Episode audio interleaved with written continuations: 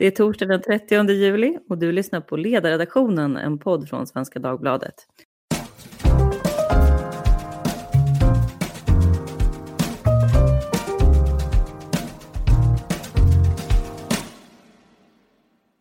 Jag heter Lydia Wåhlsten och idag så ska vi prata om den mänskliga längtan till evigt liv och hur långt vi har kommit i jakten på just det, som en kontrast till coronadebattens tråkiga fokus på döden, döden, döden, som Astrid Lindgren skulle ha uttryckt det.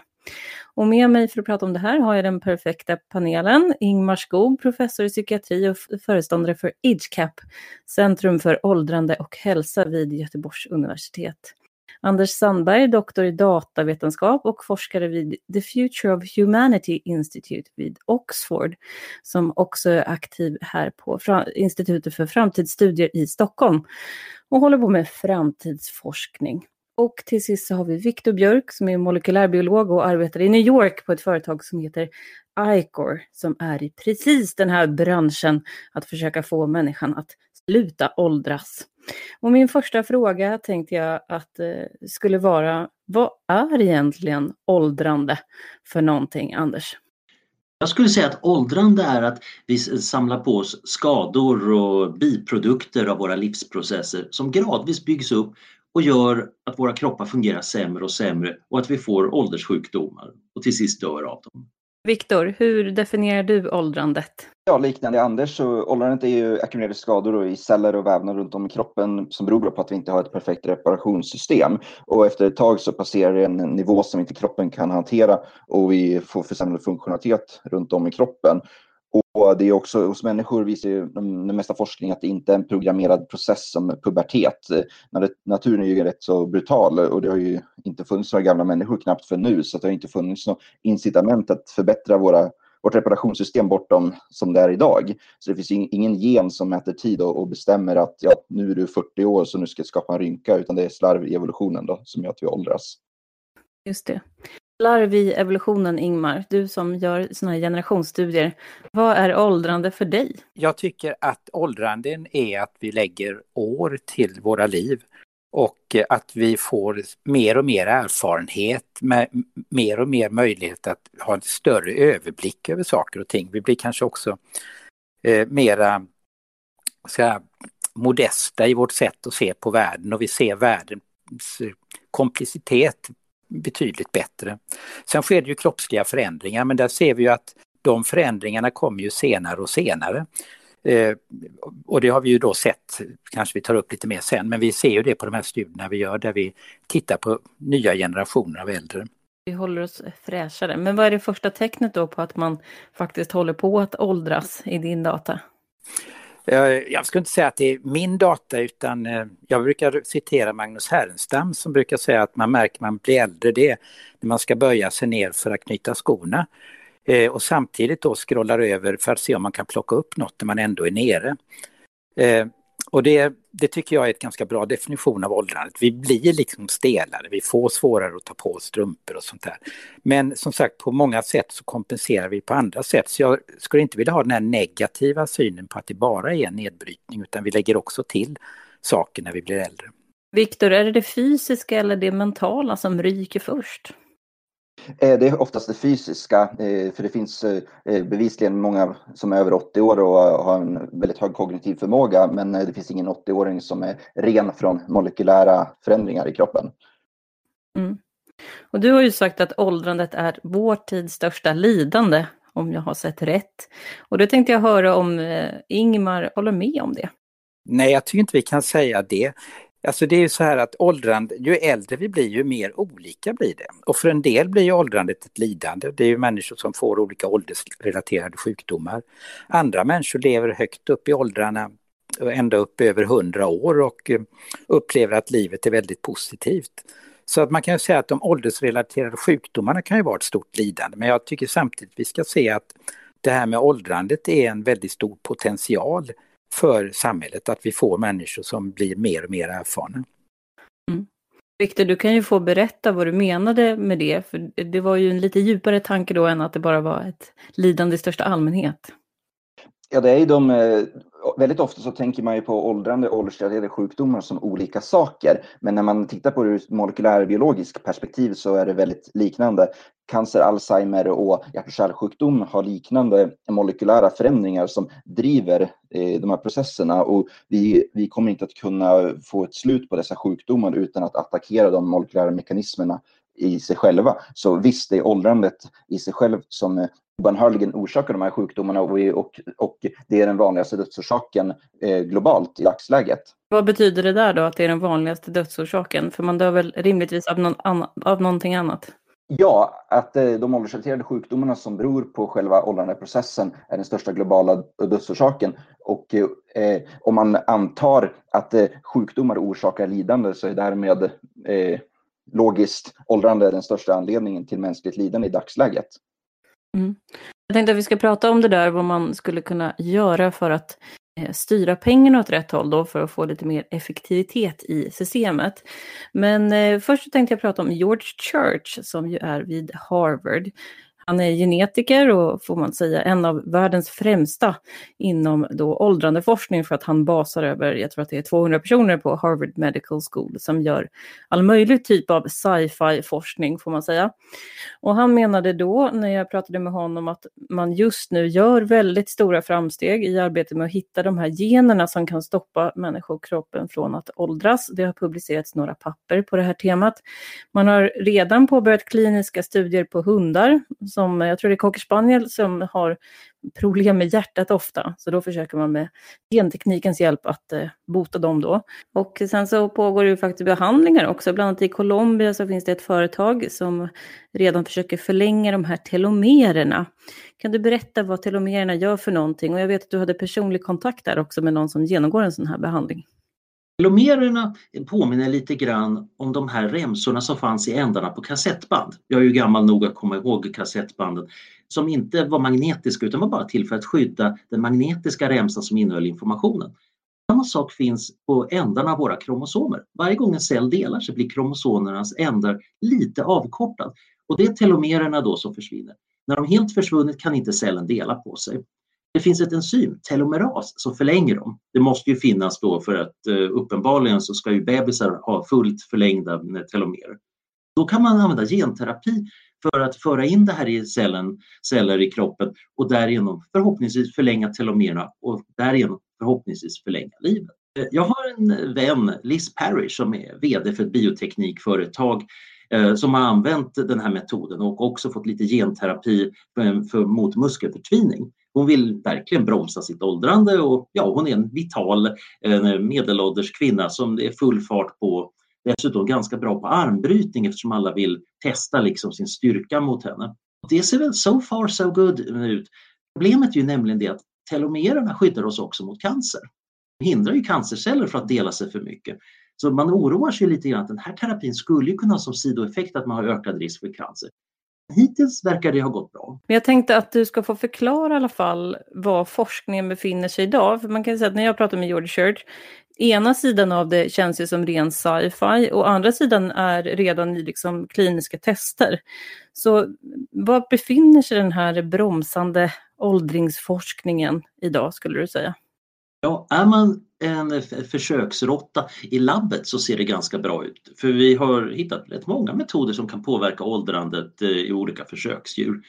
Så man har klassiskt sett experimenterat med kalorirestriktion, att ge väldigt lite kalorier, vilket bromsar ner livsprocesserna och gör att eh, djuren lever längre. Men det är naturligtvis svårt för oss matglada människor att genomföra det. Så man försöker ofta imitera de här molekylära processerna som är inblandade.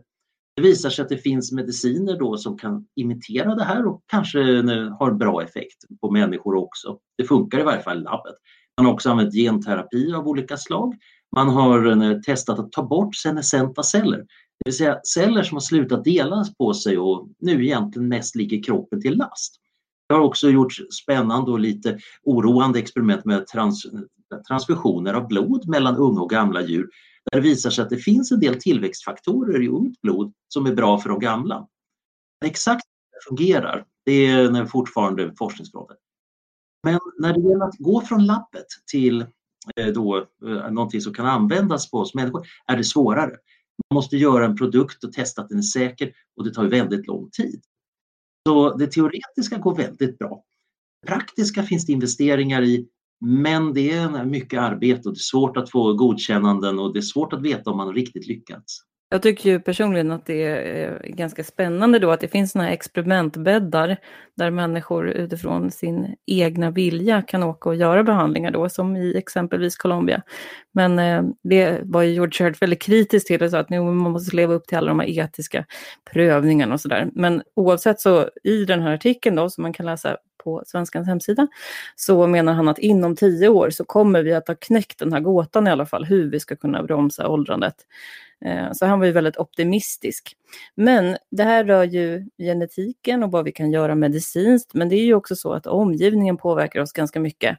Och eh, Ingmar, du har ju gjort de här generationsstudierna på svenska då och har myntat begreppet att 70 är det nya 50. Ibland hör man också att du säger att 70 är det nya 20 eller något sånt.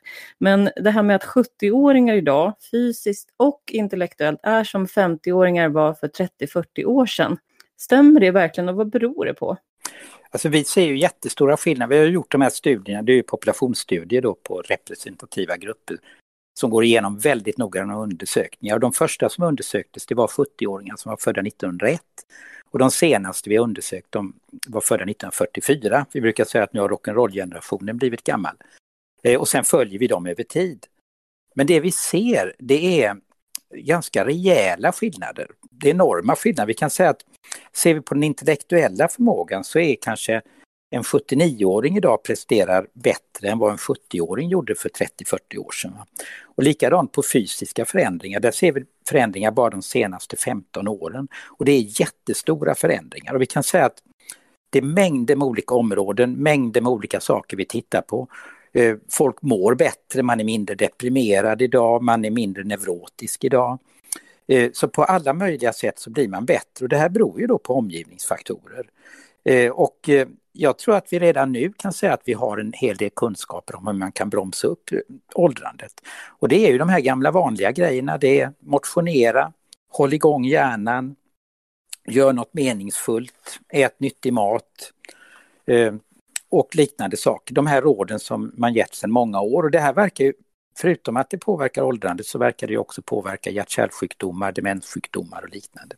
Så att eh, jag tycker vi har ganska starka data på att vi redan nu bromsar upp åldrandet. Mm. Och vad skulle du säga är den viktigaste förklaringen då till att vi lyckas hålla oss unga? Är det bättre motionsvanor eller vad, vad tror du? det är ju en kombination förstås av väldigt många olika saker. En sak är ju välfärdssamhället, att vi äter ju nyttigare idag, vi, folk är inte fattiga på samma sätt, man slits inte ner på samma sätt. Och den här ökade förmågan, det ser man ju även globalt. Vi ser ju liksom att folk blir ju äldre överallt. Så man, man kan säga att den här förbättringen, det är alltså det att vi lägger ju då friska år till livet. Det är inte sjuka år som ökar utan det verkar snarare som att de sjuka åren minskar. Och det här är ju en global sak så att till exempel i Sydkorea var medellivslängden 55 år på 60-talet. Nu är, kommer de sydkoreanska kvinnorna att eh, 2030 beräknas ha en medellivslängd på 90 år. Så det här är globalt sett så är det en enorm acceleration av äldre personer. Jag såg någon föreläsning som du har på Youtube om det här. Då uh, hade du lite siffror. En fjärdedel i Europa är nu över 60 år. Så den. Och sen sa den att 1968 så var det 100 personer som var över 100. Men 2016 så var det 2000 personer. Jag misstänker att det där är i Sverige. Stämmer det? Det var i Sverige, ja. Så där är det ju alltså, vi hade alltså ungefär 100 100-åringar på 60-talet och nu har vi alltså klart över 2000. Så att där har vi en rejäl ökning.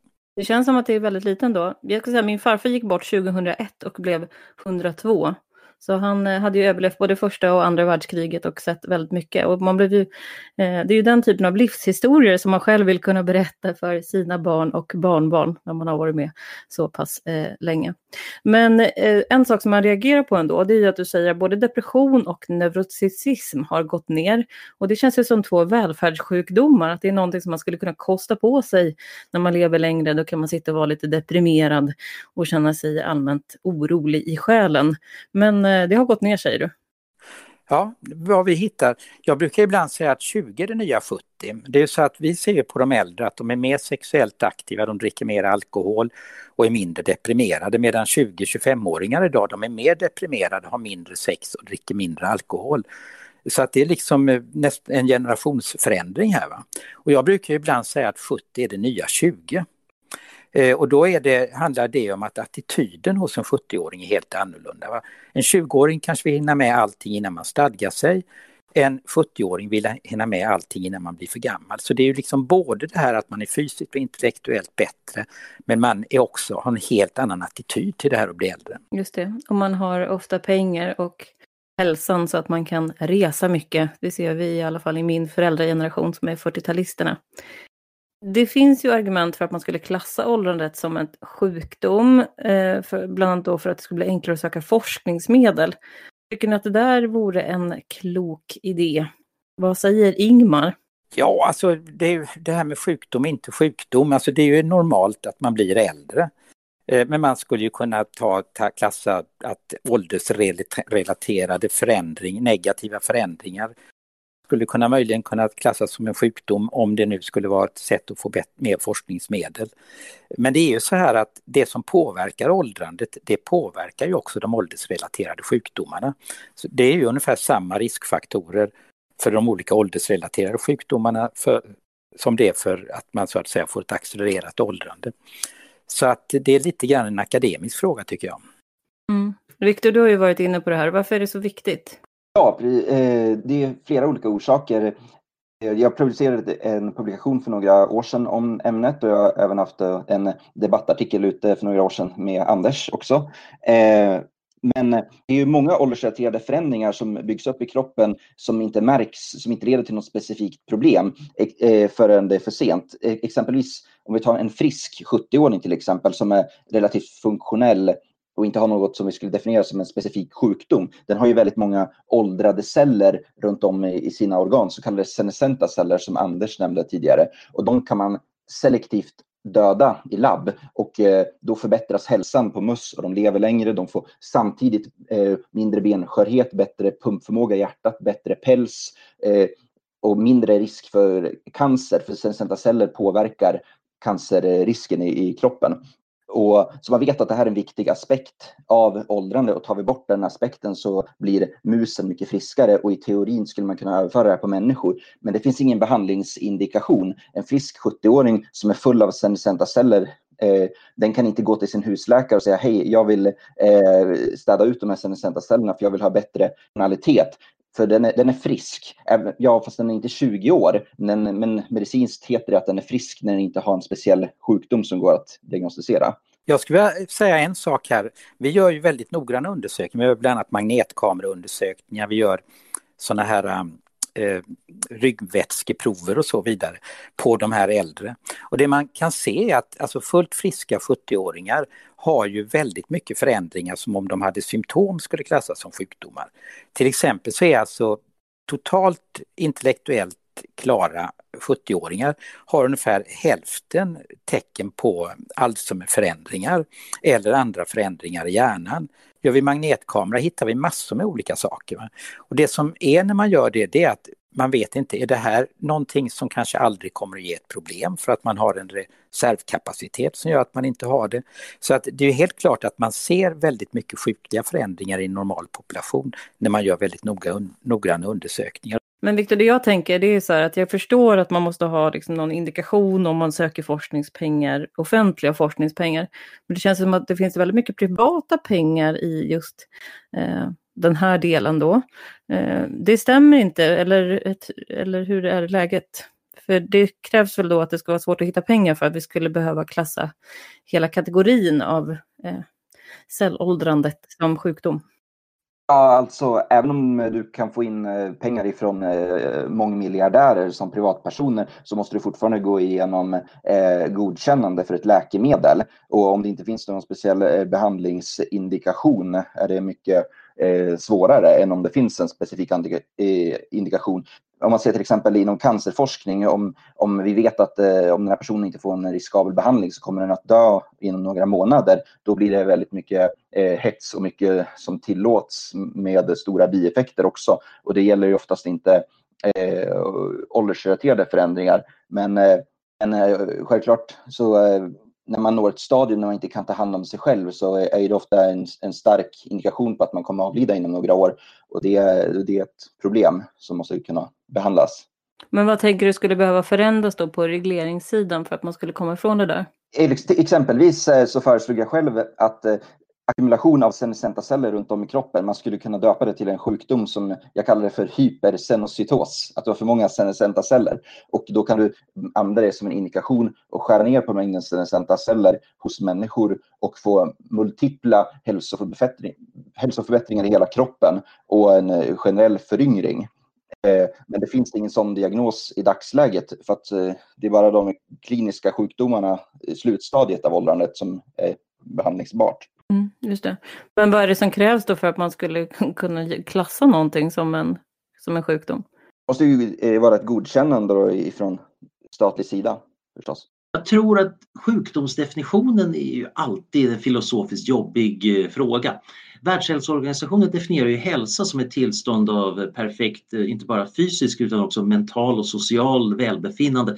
Och enligt den definitionen har ingen människa någonsin varit frisk.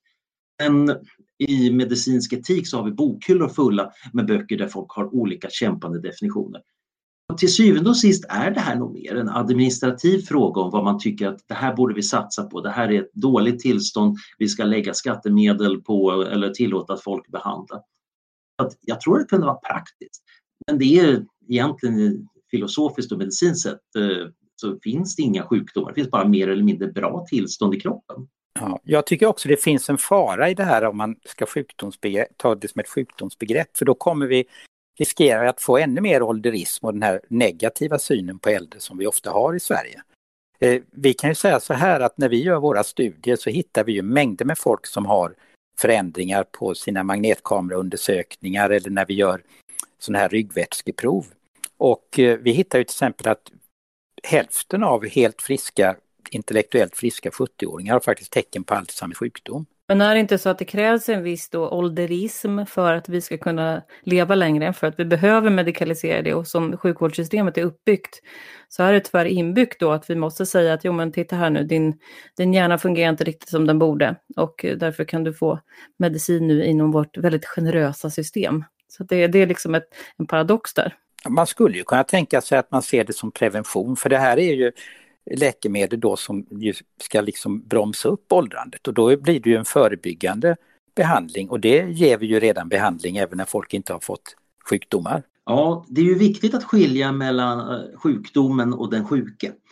Det är ju som många handikappade som ju inte gillar idén att eh, man vill bota handikapp. För de känner att det är ett Eh, försök att eh, hindra dem, att eh, man ser ner på dem. De menar om vi bara anpassar omgivningen bättre så fungerar vi lika bra som någon annan. Men det här beror ju väldigt mycket på vad det är man lider av. Den cancersjuke, det finns väl kanske någon som identifierar sig med att vara en cancersjuk människa och tycker att vi ska inte alls bota sånt. Men de flesta skulle nog bli väldigt glada att bli kvitt det där. Och på samma sätt, om vi kunde bota de dåliga sidorna av åldrandet, kommer ju istället de äldre personerna kunna säga men nu är jag frisk och vital och jag har dessutom en massa livsvisdom att erbjuda. Det är ju strålande.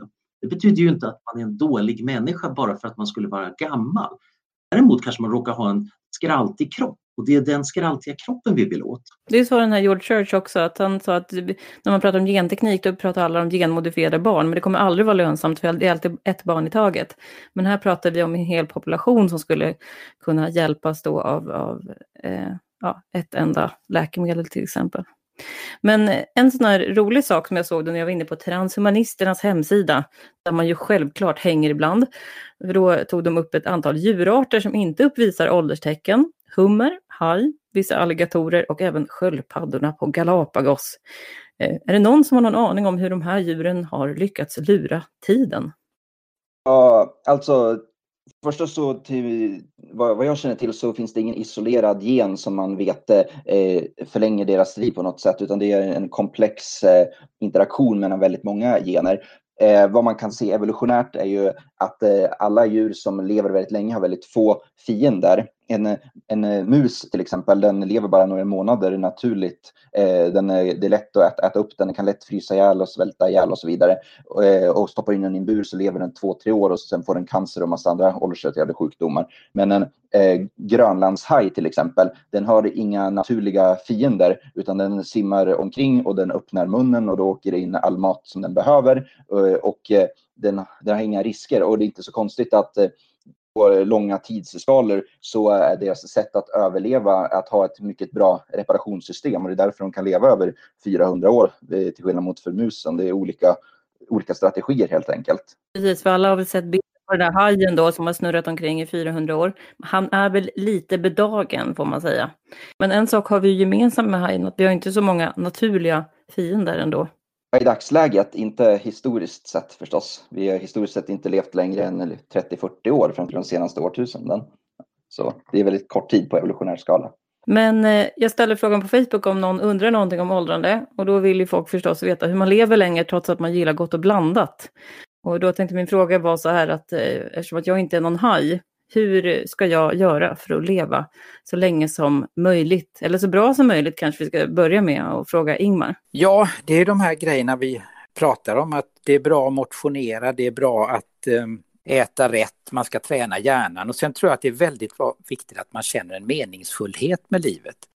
Eh, vi gjorde en studie för några år sedan på 85-åringar och där såg vi att den viktigaste faktorn för att folk skulle leva Eh, längre, det var just det att man, hade, att man inte hade livsleda. Att man kände, livsleda var den absolut viktigaste dödsfaktorn. Mycket viktigare än alla andra sjukdomar som vi tittade på. Och det är en fruktansvärt viktig grej, att man fortfarande har intressen, att man fortfarande har saker som man tycker gör livet värt att leva. Eh, så det är väl en av många grejer. Och jag brukar säga det här med att motionera, det kan låta lite tråkigt men ofta mår man ju bättre omedelbart. Om man nu är medelålders och tycker att det verkar tråkigt att motionera, så mår man ju bättre när man gör det och man mår ju bättre också av att äta nyttig mat. Och gör man det här så kan man ju få äta gott och blandat av och till också utan att det är farligt. Mm.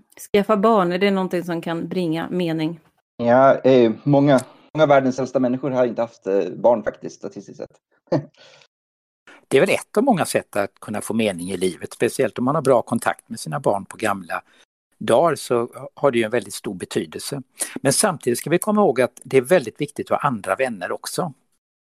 Jag vet att när vi intervjuat folk som är i 100-årsåldern så är ofta en av de sakerna de saknar mest, det är vänner från den tiden när de var yngre som kan komma ihåg sådana här saker som var tidigare. Så att det är en, eh, det finns ju också en annan grej när det gäller det här med meningsfullhet och där barn är en sak. Och det är ju de här blå zonerna, att det som där är gemensamt det är att ofta de här äldre personerna har haft en men de bidrar fortfarande på något sätt till samhället och har en meningsfull, eh, något, något som gör livet värt att leva. De här anti-åldringsentusiasterna, eh, Viktor, som du känner en del av, misstänker jag. De knap knaprar ju en hel del tabletter. Det får man lära sig redan när man läser den här Singularities Near. Eh, som en person som heter Ray Kurzfield, som jag inte riktigt kan uttala, har skrivit, men som är någon slags bibel då i transhumanistiska sammanhang. Han, han knaprat mycket tabletter och du pratade om Metformin som man då kan få förskrivet om man har mild diabetes. Vad är det som är i det här Metforminet som gör en må bättre och leva längre? Ja, alltså Metformin förlänger ju liv i eh, många olika djurarter, alltifrån maskar till eh, möss. Och det finns mycket eh, epidemiologiska studier på människor som, där livslängd inte är så tydligt, men det är tydligt att diabetiker som äter Metformin har mycket mindre cancer och hjärt och kärlsjukdomar än andra. Och därför har man initierat en studie i USA som kallas för TAME, där man ska ge friska äldre personer Metformin för att se om man kan förebygga många åldersrelaterade sjukdomar samtidigt. och Självklart kommer det ta sin tid innan Metformin blir eh, godkänt som ett läkemedel för att eh, förlänga liv och minska risken för cancer och hjärt-kärlsjukdomar. Men eh, det har inte hindrat många personer från att pröva det själv. Jag kan erkänna att halva min släkt har ätit i ungefär fem år nu på min inrådan. Så. Men är det att man får ner blodsockret eller vad är själva mekaniken här? Faktiskt så är det lite oklart fortfarande exakt vilka mekanismer det är. Det, det tar ner blodsockret och det tar, reglerar även ner flera olika tillväxtfaktorer som eh, är uppreglerade till exempel när man drabbas av eh, cancer. Så det är exakt oklart hur eh, hälsoeffekterna är medierat molekylärt, men eh, man, man ser tydliga data på många djurarter, inklusive människor, om förlängt liv och minskad cancerrisk kring Metformin. Men Anders, jag tänkte eh, höra med dig. Om vi säger att jag har en enorm dödsångest, vilket de flesta människor har från tid till annan, när man inser att det här är inte för evigt och redan har man nästan konsumerat hälften av sin tid och man har inte fått någonting gjort, förutom att sitta och eh, trolla på Facebook. Som det ser ut idag så kommer jag inte kunna leva längre än ungefär 115 år. Det verkar vara där någon slags biologisk gräns är dragen just nu i alla fall. Du har löst det genom att bli kryonaut. Vad är det för någonting och vad kostar det här kalaset? Jag har tecknat ett kontrakt med ett företag i Amerika så att eh, när jag är döende så ska de frysa ner mig. Eh, då först eh, med till, med lite tillsatser då för att ta mig förbi nollpunkten och sen i flytande kväve så att alla kemiska processer slutar. Sen kan jag förvaras en tank med flytande kväve till den framtid där förhoppningsvis medicin har gått fram så långt att man kan bota inte bara vad det var som höll på att ta koll på mig utan också naturligtvis alla skador man får av nedfrysningen. Hur många år får du vara nedfryst då på det här kontraktet? Eh, det finns ingen övre gräns. Jag betalar det med hjälp av en livförsäkring så det är ungefär 300 i månaden. Eh, och livförsäkring täcker då dels själva nedfrysningen men också då att bli sparad i det här flytande kvävet. Lyckligtvis är flytande kväve ganska billigt. Eh, och också en del till en forskningsfond som ska fundera på hur, hur fixar man det här en vacker dag. Det är väldigt få personer som har gjort det här hittills. Jag såg någon annan intervju med dig, du pratade om att det var bara 200-300 personer tror jag. Det låter ju väldigt lite. Varför är det sånt lågt intresse? Det är ungefär 200-300 personer som är nedfrusna och sen är det kanske 2-3 tusen som har sådana här kontrakt. Jag håller med, det är märkligt. Det här är ju ändå ett försök att få, eh, om inte evigt liv så i varje fall förlänga sitt liv. Men det är inte jättepopulärt de flesta ryser ju när de hör det och tänker att det låter både kallt och ruggigt och eh, alldeles för medicinskt. Sen så hoppas man istället på senaste patentmedicinen. Jag tror att skälet till att kryonik inte är så jättepopulärt är ju att det erkänner att ja, det här funkar kanske inte, det är väldigt mycket gissningar vi måste göra. Det erkänner just alla de här svagheterna.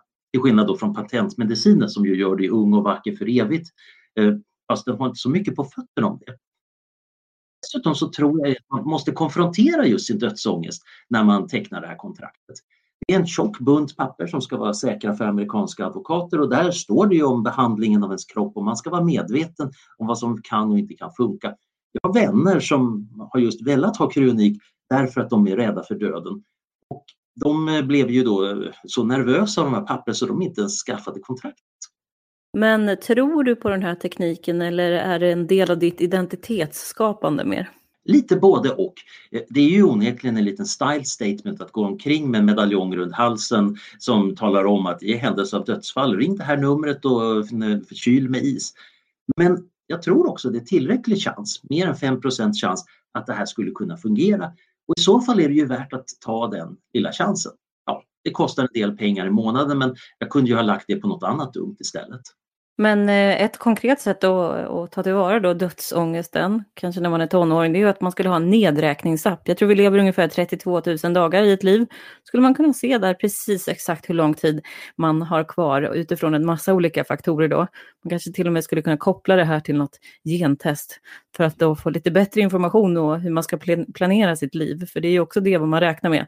Jag har ju implicit räknat med då att jag skulle bli väldigt gammal för att min farfar blev det. Det var eh, tacksamt att han blev det, för då kunde jag leva mitt liv då som att, som att jag också skulle bli det. Och sen så gick min mamma bort här ganska tidigt då relativt vad genomsnittsåldern är. Så nu, har jag, nu är det lite svårare för mig att tänka på min egen död. Filosofer älskar döden. I varje fall är det vissa som älskar att skriva om hur man med hjälp av filosofiska tänkanden kan liksom hantera sin dödsångest. Antingen då genom att lära sig acceptera den eller hitta saker att göra med sitt, det, det lilla liv man har eller att hävda att döden inte ens existerar för vi kommer alla ändå att återfödas i det långa loppet. Relativt få personer som har tänkt egentligen om filosofi om åldrandet Det är Simone de Beauvoir som faktiskt skrev en bok om det som är rätt intressant. Men de flesta filosofer har liksom försökt hävda att ja, men du behöver inte bry dig om det här. Vilket kanske fungerar om man har den där perfekta filosofiska balansen, men det har ju de flesta. Samtidigt måste ju vi människor hitta ett sätt att hantera det faktum att vi är dödliga. Och de flesta hittar något sätt, antingen genom att inte tänka på det eller hoppas att det kommer ett liv efter detta. Och så blir de naturligtvis väldigt störda när det dyker upp någon konstig transhumanist och börjar säga att ah, det kanske är optional. För då sparkar man lite grann på de där existentiella fundamenten man ganska mödosamt byggt upp sedan tonåren. Jag kan ju säga det att det vi vet är ju det att ofta blir man ju mindre rädd för döden ju närmare den kommer. Så när vi frågar äldre personer så är de ofta mindre rädda för döden än vad yngre personer är. Mm, det var intressant. Eh, sen tycker jag, och ja, det är en intressant grej och jag kan nog säga själv, jag var nog mer rädd för döden när jag var typ 30 än vad jag är nu när jag är 66. Då, det är på något sätt att man mer har accepterat att livet är liksom vi kommer in i det och vi går ut ur det. Eh, men det innebär inte att man är trött på livet utan vi ser ju att de flesta som är 80-90 år, de vill ju fortfarande leva, de är fortfarande nyfikna vad som ska hända, de vill veta vad som ska hända med deras barnbarn, vad, de ska hända, vad som ska hända med världen och så. Men man är inte lika rädd, man har liksom på något sätt mer accepterat att man eh, är nära döden och att döden är en del av livet så att säga. Mm. Det är ju väldigt goda nyheter måste man säga. Hörrni, jag har några frågor kvar innan vi ska avsluta. Det här är ju ett sånt ämne som vi skulle kunna prata om i flera timmar. Eh, nej, men några av de här sakerna som dyker upp då när man pratar om att, men tänk om vi kan leva 200 år, 300 år, 400 år som den här hajen, åtminstone.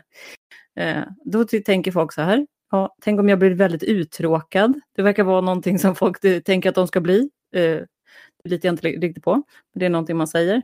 Och sen tänker man ju på planeten, att vi kommer få överbefolkning. Nu verkar vi inte föda så där jättemycket barn, så det kanske inte är ett stort problem ändå. Men om ni får välja någon av de här farhågorna kring att leva längre, som ni skulle vilja bemöta, vilken skulle det bli då, Viktor? Eh, ja, om jag skulle säga, då skulle jag nog tänka på utarmning av planeten och överbefolkning. Det är ganska vanligt eh, att, att folk konfronteras med det. Men eh, jag tror inte att det är ett problem. Jag tror att folk eh, som har, eh, lever längre vill ha mer långsiktigt tänkande. Jag tror till exempel angående miljöförstöring så är det många som inte riktigt tar det på allvar för att de vet medvetet att de kommer att leva väldigt kort tid. Det är väldigt svårt att hela tiden lägga över Eh, ett problem till nästa generation. Men om jag vet att jag kommer statistiskt sett att leva tusen år och eh, om inte jag gör någonting åt de här klimatförändringarna då kommer vattnet att forsa in genom mitt fönster i huset. Ja, men då är det angeläget för mig och jag blir väldigt personligt ansvarstagande för det här problemet om jag är en person som ser det som ett problem. Mm, det var ett bra argument. Eh, man är rädd för att diktatorer får evigt liv till exempel. Anders? Just att diktatorer skulle kunna stanna kvar vid makten om de var liksom vitala längre. Det kommer igen gång på gång när jag talar om frågan. Jag har räknat lite på det till sist för jag blev så irriterad. Och det visar sig att om man gör en statistisk analys eh, då, så skulle de styra fyra år längre i medeltal. Kanske fyra år för mycket men det är inget jätteproblem. Anledningen till att diktatorer förlorar makten är vanligtvis de andra sociopaterna som finns runt om i juntan. Så egentligen är det här mer ett socialt problem. Vi borde inte låta diktatorer komma till makten och vi borde definitivt inte låta dem sitta kvar. Och det gäller ju många av de andra problemen vi kan tänka oss med livsförlängning som typ pensioner eh, eller karriärstrukturer. Och det är sociala problem, de kan till och med vara ganska tuffa men det är värt att lösa dem och vi har löst liknande problem i det förflutna. Trots allt, vi har dubblat vår livslängd under 1900-talet. Eh, jag tycker också att det skulle vara en väldig fördel. Alltså om vi tänker, man pratar ju ibland om att den första 200-åringen är född, vilket antagligen inte är sant. Men i vilket fall, alltså tänk en person som har erfarenhet av historien från Napoleonkrigen nästan. Alltså vilken enorm erfarenhet att ge till eh, mänskligheten. Och också det här att man blir uttråkad, det tror jag inte är särskilt stor risk för att väldigt mycket av allt vi tänker nu, vi tänker utifrån det här när vi, året vi pensioneras, året vi eh, kanske räknar med att vi kanske ändå inte kan leva längre och så. Om vi hade 400 år på oss, jag tror knappast vi skulle bli uttråkade utan vi skulle med all sannolikhet hitta, hitta nya, skulle världen förändras och så vidare. Så att eh, jag är ganska optimistisk, jag tycker inte det skulle göra så mycket om vi får riktigt gamla personer. Världen kanske skulle bli mycket bättre då. Jag tycker det. Jag tycker att döden är överskattad faktiskt. Jag har sett den och jag eh, hatar den, som Göran Persson skulle ha sagt i en travesti. Men eh, Min sista fråga, eller näst sista fråga, den går till Anders och Viktor och det är att eh, Ingmar ingår ju då i regeringens äldreforskarråd som ska hålla på med de här frågorna och har direkt access till vår socialminister Lena Hallengren. Vad skulle ni vilja att det här äldreforskarrådet i Sverige tog med sig från er framkant i, i den här åldringsoptimismandan? Det som jag skulle vilja se är att det går enkelt att kunna ut, utföra kliniska studier mot åldersrelaterade förändringar som till exempel senescenta celler och olika proteinavlagringar och andra slaggprodukter i, för att komma åt de molekylära mekanismerna och de patologierna innan de har gått till en eh, specifik sjukdom. Eh, för alla 70-åringar har ju olika eh, ackumulationer av slaggprodukter som gör att de inte fungerar lika bra som när de är 20, exempelvis de senescenta cellerna som vi pratade om. Och om och eh, vi kan snabba på utvecklingen och få fram läkemedel och testa det på människor så underlättar det enormt för forsk forskningen. Anders, vad ska Ingmar ta med sig till regeringens äldreforskarråd? Jag tror att en viktig tanke är att göra hedging säga, även om man inte tror helt på att något skulle, som skulle hända, som till exempel att radikal livsförlängning blir möjligt ganska snart, det är ändå en bra idé att planera lite grann för det.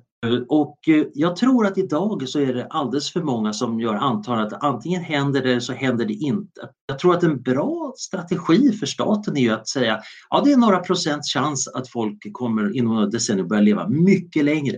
Det behöver vi planera för. Vad säger Äldreforskarrådet idag om vår kommande livslängd? Ja, Äldreforskarrådet har egentligen inte haft något sammanträde än.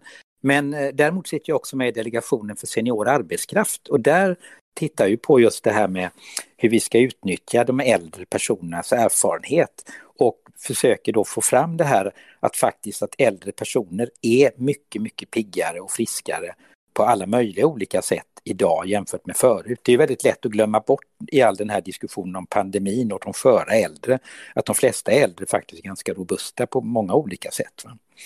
Eh, så att det, det finns med det här att man då vill att man ska se över att pensionsåldern ska följa det här att vi blir äldre och äldre och att den blir senare och senare allt eftersom befolkningen blir äldre. Hur mycket äldre blir vi nu då per tio år? Eh, jag har inte riktigt den siffran i huvudet just nu, men vi har ju ökat, eh, alltså våra medellivslängd har ju ökat sen när vi införde pension, då var ju medellivslängden i Sverige 55 år eh, för både män och kvinnor och idag är den, är den över 80 år för både män och kvinnor. Och man kan säga att den, den år vi har kvar vid 65 år, det har ökat från 13 år för 100 år sedan till idag att vi har 19 år kvar bland män och 22 år kvar bland kvinnor i medellivslängd efter 65 år. Så det är ju ganska många år som har ökat. Mm. Då gäller det att ha en bra pensionsförsäkring, hörni. Sista frågan för idag gäller framtiden. Det brukar släppas sådana här siffror från SCB ibland, hur länge hur ett barn som föds idag skulle eh, leva rimligtvis. Och då är min fråga till er precis densamma. Så att jag är gravid och föder ett barn idag 2020 i Sverige. Barnet är friskt. Hur länge tror ni att det kommer ha potential att leva givet utvecklingen nu då, den kommande, eh, de kommande 70-80 åren? Anders? Jag tror att eh, det finns chans att det kan bli väldigt långt liv. Men det är alltid svårt att eh, gissa så man kan säga att det är en summa av sannolikheter för olika scenarios. Ett scenario är att ja, det fortsätter som nu och det har en god chans att leva över 100 år, eh, kanske till 120 eller 130 om inget jätteradikalt händer. Händer de där medicinska utvecklingarna? Ja, jag skulle vilja säga att det är åtminstone en 30% 50% chans att det händer då tror jag vi kan räkna med att det blir mycket längre, förmodligen ett par århundraden minst. Och det finns naturligtvis en liten chans att, det blir, att vi helt löser det här och folk kan leva precis så länge de önskar, vare sig det är liksom 50 år eller 5 miljarder år. Så jag tror att medellivslängden för ditt barn kan mycket väl visa sig vara enormt lång, hundratals år eller mer. Vad är transhumanismens svar då på när man ska dö? Är det så att eh, alla kommer behöva boka sin resa till Schweiz? Jag tror det transhumanistiska svaret är man ska leva livet så länge det är värt att leva för en. Det är ju inte någon större poäng i att bara existera för att man är rädd för att dö. Inte särskilt mycket värde i det livet. Men däremot att njuta av livet, att hitta nya former av mening, Det är det man behöver hålla på med. Men till sist kan det hända att man har blivit klart med sitt stora livsprojekt, tar ett steg tillbaka och konstaterar ja, nu är jag färdig. Nu är det dags att åka till Schweiz eller animera på något lämpligt sätt.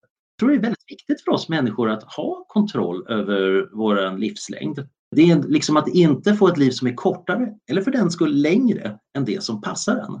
Just det. Men det kommer bli, eh, i teorin då, så är det liksom självmordet som kommer att bli, bli döden som den inträffar. Vi kommer aldrig att helt kunna undgå risker för olyckor och osannolika händelser. Vi är trots allt ändliga varelser i ett stort slumpmässigt universum, så förr eller senare, vad vi än gör, har vi nog otur. Men jag tror att de flesta nog kommer att dö frivilligt. Och den gamla termen självmord, det var ju att man hävdade att det här är ett brott i någon bemärkelse. Brott mot Gud eller brott mot staten som på något sätt kunde kräva av oss att vi skulle leva. Men jag tror ju att moraliskt sett så är våra liv våra egna. Så att, att avsluta sitt liv när det är rätt och man är vid sina sinnens fulla bruk är en viktig mänsklig rättighet. Ja, Viktor, vad säger du? Hur länge kommer ett barn som föds idag att leva? Eh, jag tror det är ganska svårt att eh, definiera det, för jag tror att inom inom närmaste årtionden så kommer behandlingar mot åldrande att komma fram och man kommer kunna, det är inte en behandling utan det är ett stort antal olika behandlingar man kommer behöva kombinera för att slå ut alla de åldersrelaterade förändringarna. Och jag tror definitivt att, eh, att kan man få en människa att leva till 150 år så är det inte särskilt mycket svårare att få den att leva i 1000 år. För att eh, då har man redan satt åldrandet under kontroll. Och som sagt, vi vet väldigt mycket inom basforskning i dagsläget, så det handlar bara om att överföra till människor och se vad kommer att eh, fungera. För det, det är i dagsläget ett legitimt forskningsfält och vi har verktygen inom biologi för att studera det. Okej Ingmar, framtidens svensk, du som har tittat på dem över decennierna, hur kommer den att leva när den är 80? Jag tror att medellivslängden kommer säkert att ligga kring 102 år om vi inte får in en behandling mot åldrandet. Eh, och kommer det ingen behandling som är lyckosam så är nog maxåldern någonting 120-125 år. Sen kommer det vara en och annan liksom som kanske kommer att bli äldre just av rent statistiska skäl. Eh, men jag skulle tro att om du föder ett barn idag så är det en ganska stor chans att det barnet kommer att bli över 100 år. Och med det hörni så avslutar vi en positiv not. Jag säger stort tack till Ingmar Skog, professor i psykiatri och föreståndare för Centrum för åldrande och hälsa vid Göteborgs universitet. Anders Sandberg som är forskare vid The Future of Humanity Institute vid Oxford och Institutet för framtidsstudier här i Sverige. Och sist Viktor Björk som är molekylärbiolog som arbetar med antiåldrande i New York. Är ni mer intresserade av kampen mot åldrande så finns det en blogg där man kan läsa om den senaste forskningen som heter fightaging.com. Och eh, har ni frågor så hör ni av er som vanligt på ledarsidan svd.se. Tack för idag!